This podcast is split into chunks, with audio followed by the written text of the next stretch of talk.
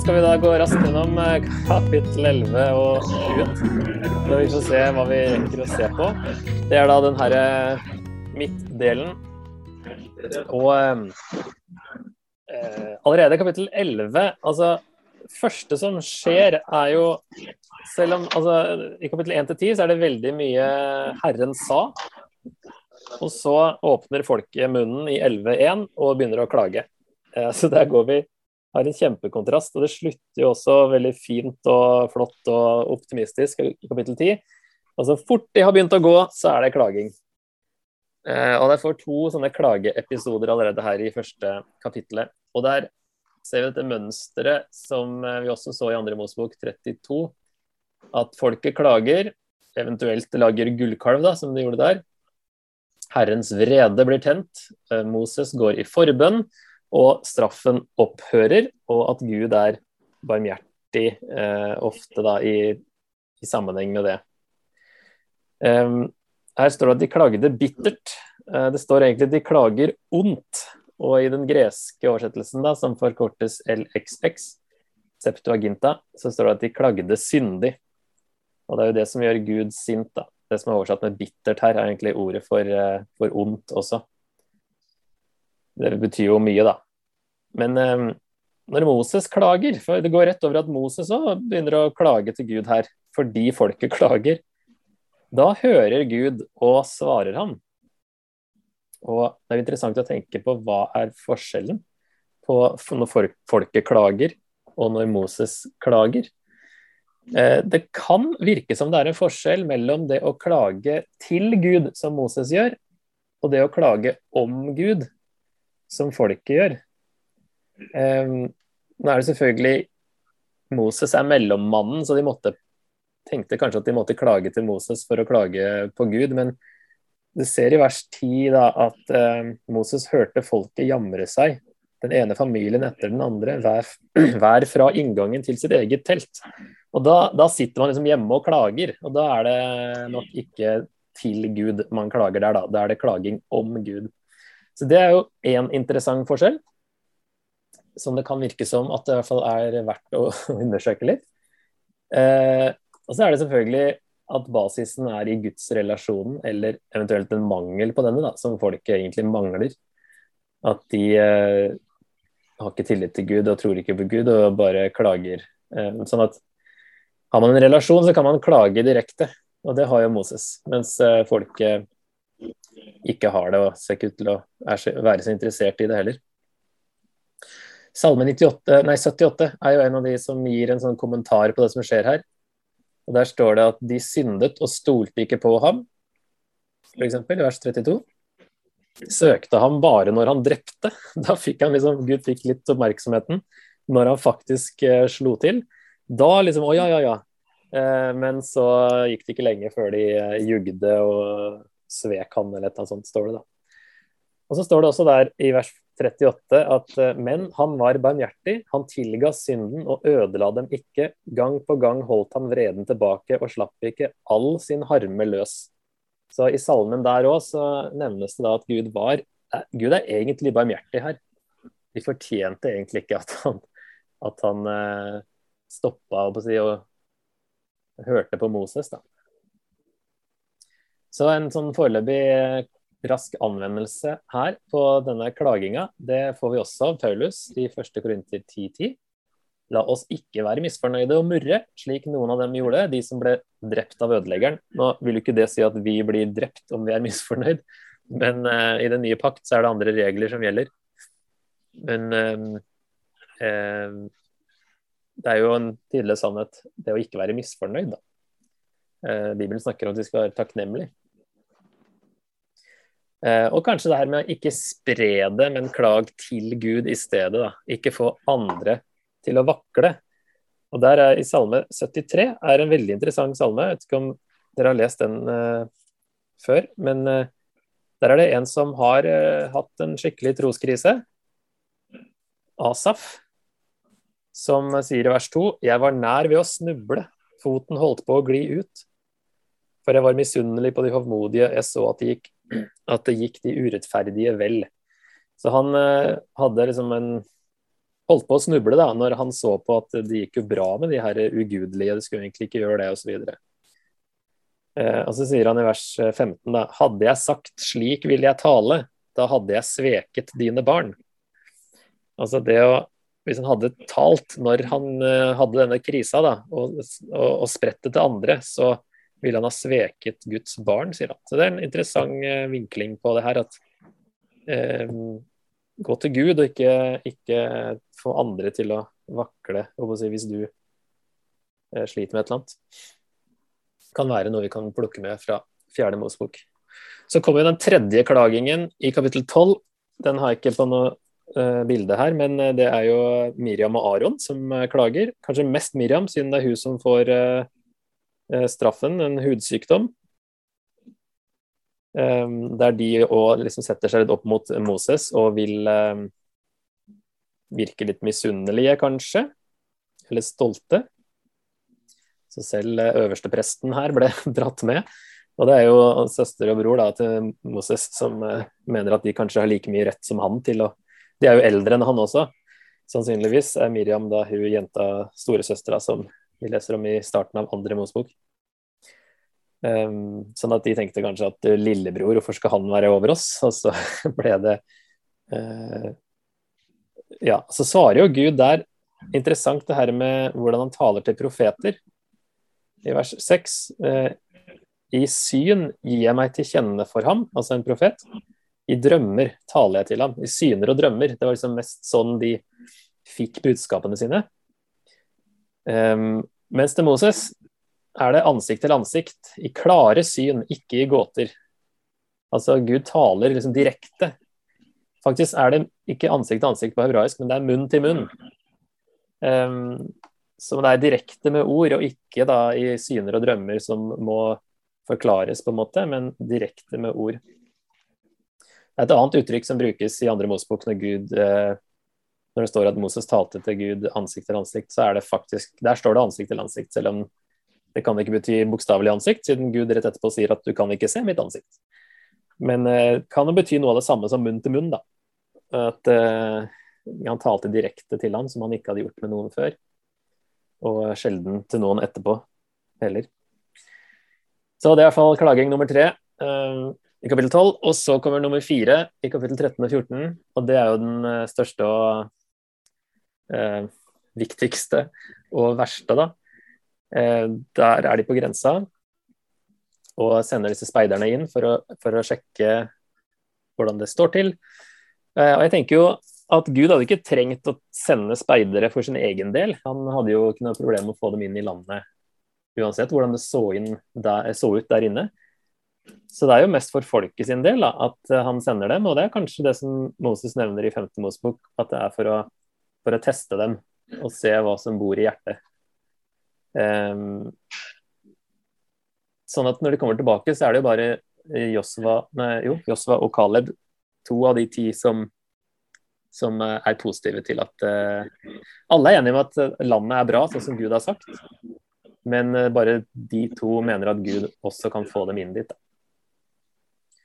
Så de andre tror ikke, altså hele folket da, tror ikke at Gud kan holde sine løfter og gi dem landet. Alle israelittene klagde til Moses og Aron. Hele menigheten ropte til dem. Bare vi hadde fått dø i Egypt her i ørkenen, bare vi hadde fått dø. Hvorfor fører Herren oss til dette landet så vi må falle for sverd og kvinnene og småbarna våre bli krigsbytte? Var det ikke bedre for oss å vende tilbake til Egypt? Så de tror jo virkelig ikke at eh, Gud kan holde løftet. De planlegger å gjøre opprør, eh, velge seg en ny leder og dra tilbake til Egypt, så i vers 4. De velger en leder og drar tilbake til Egypt. Og så vil de steine faktisk Moses og Aron og Josfa og Caleb, alle som er for at dette her kan gå bra, vil de steine i vers 10. Eh, Hele menigheten ropte at de skulle steines. Så her viser folket da en fullstendig mangel på tillit til Gud og reagerer ut fra frykt i stedet. Så det er ofte det som vi har sett, eller eller jeg har nevnt tidligere, at um, i Bibelen så er det ofte frykt som settes opp som en motsetning til tro, fordi tro betyr tillit. Det er liksom ikke tro og vantro som er den vanligste kontrasten, men, men tillit og frykt. da. Hvis man har tillit til Gud, så frykter man ikke. Men her ser vi at folket mangler jo all tillit og bare frykt. De forakter Gud selv om de har sett alt han har gjort for dem, sier Gud. Og de gjør opprør mot ham. Det kalles da et opprør, dette her. Som da er det hebreerbrevet plukker opp, da. Ikke gjør opprør på samme måten. Så de har jo ikke tenkt seg inn i landet engang. Eh, de vil jo ikke inn, så de får dø i ørkenen slik de heller vil, da. Vers 28 så svarer Gud på det. Som de sier i vers 2, at eh, bare vi kunne få dø, dø i Egypt eller her i ørkenen. Så de vil heller det enn inn i landet. Eh, Gud er barmhjertig her også, for han tilgir dem, sier han i vers 20. Slik du ber om, for Moses har gått i forbønn for dem igjen. Og han lar dem da bli nomader i ørkenen, noe som fortsatt er bedre enn å være slaver i Egypt. Så, men her har vi da her det går ordentlig gærent, og her de må gå til hele den generasjonen er eh, dødd. Derfor tar det jo ca. 40 år, da, som er liksom det typiske generasjonen i Bibelen. De sier jo også vers 26 at landet 13, Det er vel uh, kapittel 13, det, kanskje. Uh, vi kom inn i det landet du sendte oss til, sier de til Moses. Det, det er liksom ikke det landet Gud har sendt oss til, eller det landet Gud sier vi kan få. Det landet du sendte oss til. Så det virker ikke helt som at Gud er med i bildet der engang. Og så er det noen falske rykter og som de setter ut blant folk da, for å gjøre det enda verre her. Så um, Ja. Viser at de ikke har De vil jo ikke. Så sånn da går det sånn. Og hvis vi hopper tilbake til, eller fram til hebreerne igjen, så i kapittel tre der um, Men der brukes um, uh, forherde seg, som det snakkes om der i kapittel tre vers åtte, er å forakte Gud og ikke tro, til tross for alle tegnene som Gud sier her at de har sett. Likevel forakter de seg, vil ikke tro, og de forherder seg.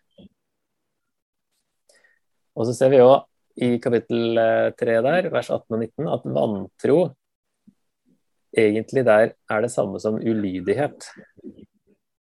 Og da blir jo tro det samme som lydighet, da. Det gir jo også mening. Eh, men vantro i 4. Mosebok 14 er ikke å ikke tro at Gud finnes, men å ikke stole på Gud. Det er vantro. Ikke ha tillit. Vantillit, egentlig. Det motsatte av tro er i Bibelen mistillit, ofte forbundet med frykt. Forbundet med frykt. Så det er greit å få med seg det, at det er frykten som er ofte det motsatte. Så det var ikke klagingen som var det gale, men at de ikke hadde tillit til ham. Dette er ikke noe nytt, eh, men det pekes fram på den dagen alle skal dømmes. Altså det som eh, eh, Når Gud dømmer underveis her, da. Hver gang de klager, så, så er det jo en dom Vi skal ta litt om det straks, eller etter hvert. Det er jo en, noe som peker fram mot den endelige dommen når alle som ikke har tillit til Gud, skal dømmes. da. Så noe av det samme er jo egentlig det som skjer her. Josva og Caleb vil komme inn i landet fordi de hadde tillit til Gud. På samme måte vil de som har tillit til at Jesus var Guds sønn, få komme inn i Guds rike. Så den parallellen hebreerne lager med landet og, og uh, hvilen. Så rett etter dette her, rett etter uh, 13 og 14, så kommer jo 15, og der står det i vers 2 at uh, når dere kommer inn i landet Så her har jo Gud fortsatt en plan med å få dem inn, bare neste generasjon. Så det er nåde her, på tross av kapittel 13 og 14. Uh, og så snakkes det om Det kommer òg litt inn i hebreerne, dette her. Snakker, med, snakker om den som med vilje bryter Guds lov, og som spotter Gud, viser forakt for hans ord Eh, ja, den som gjør det, den som med vilje bryter Guds lov. Han spotter Gud, viser forakt for hans ord og skal bli utstøtt av folket. Det er trolig ikke tilfeldig at dette kommer rett etter kapittel 13 og 14. Da. At de med vilje liksom eh, viser forakt. Det står at en, hvis noen med Løftet hånd, står det i vers 30. Så betyr jo det med, med overlegg, med vilje. Du har liksom planlagt noe med løfta hånd. Um, og så kommer et eksempel på det i vers 32-36 med han her som uh, plukker uh, ved på sabbaten.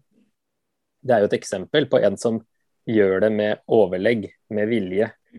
Uh, og det viser jo at han tydelig ikke bryr seg om paktstegnet, som ifølge 2. Mosbok 31 var sabbaten.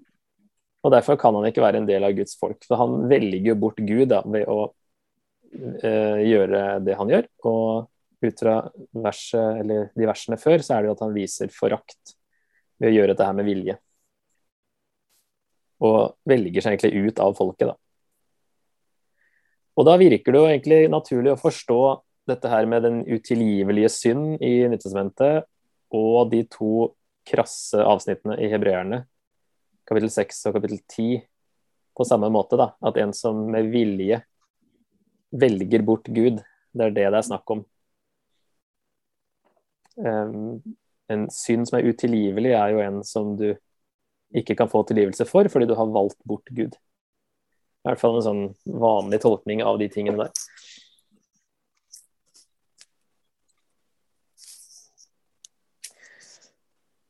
Ja, vi skal fortsatt gjennom en uh, god del, så jeg tror vi bare kjører på. Kapittel 16. Det kommer klage nummer fem og seks, og det er uh, Kora sitt opprør, og han får med seg noen flere på det.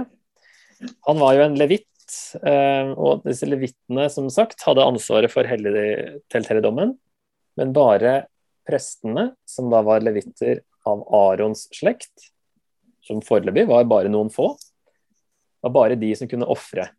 Og etter dette opprøret her, kapittel 16, så fortsetter det for så vidt inn i 17. I kapittel 18 og 19 så stadfestes det her med at det er bare Aron og sønnene hans som er de utvalgte til å ofre. Så det henger egentlig sammen de neste kapitlene, og det er ikke tilfeldig at det kommer etterpå. Han Kåre han er en levitt av Kehat-slekten, og de skulle ta seg av det høyhellige. Så han hadde jo egentlig en veldig viktig oppgave av det som var eh, helligste, de helligste gjenstandene men han vil ha prestetjenesten også, står det i vers 10. Og han bruker som argument at eh, hele folket er hellig. Hvorfor, liksom, hvorfor kan ikke alle ofre? Og det er jo sant at hele folket er hellig og kalles til å være hellig, men han utfordrer dermed Guds ordninger, som vi leste om i kapittel 3 og 4. Hvem som skal gjøre hva. Og så eh, blir jo Guds vrede opptent. Moses går i forbønn, så ikke hele folket dør, som egentlig er eh, det som ville ha skjedd. Men i stedet så er det bare de skyldige, da, eller deres, de skyldige og deres familier som dør. Men det som er viktig å få med seg her, er at i vers 30, når de faktisk da blir Ja, det er vers 31, da. Revnet jorden under dem og de faller ned, så står det altså i vers 30 eh, så de farer levende ned til dødsriket. Så er dødsriket altså graven, det er ikke helvete. Du må bare glemme det med en gang. Det er at de ble eh, Gud gravla dem eh, med, si, med en gang der. Um, og så er det jo litt ironisk, uh, tragikomisk, at uh, neste klaging er at de klager på straffen for forrige klaging. Eh, og De har ikke skjønt at det er Gud som gjorde det, men de klager til eh, skylder på Moses, at det er han som har eh, Moses og Aron. Og sier at det er dere som har drept Herrens folk, så de kaller også disse synderne for Herrens folk. Så det virker som de nekter å tro på noe som helst av det Gud gjør. da. Selv om Gud straffer, så skylder de på Moses og Aron. De er utrolig blinde, egentlig, for det som skjer her. Og da er det Aron som går i forbønn og gjør soning og han står mellom døde og levende. Og her er barmhjertigheten da viser seg at han kan gjøre soning. Gud har gitt dem loven som kan eh, eh, Og det som kan gjøre soning, da, for å stoppe dette med at straffen for synd kommer med en gang. Og her er jo ganske sånn actionbilde i vers 48, da, mens han sto der mellom døde og levende stanset pesten. Det høres ut som det skjer mye rundt han der. Og det er jo noe som peker fram mot eh, Jesus, da, som dere har sett i hebreerne. Den fullkomne øverstepresten som står mellom liv og død for oss. da, Hvordan Aron peker fram på Jesus.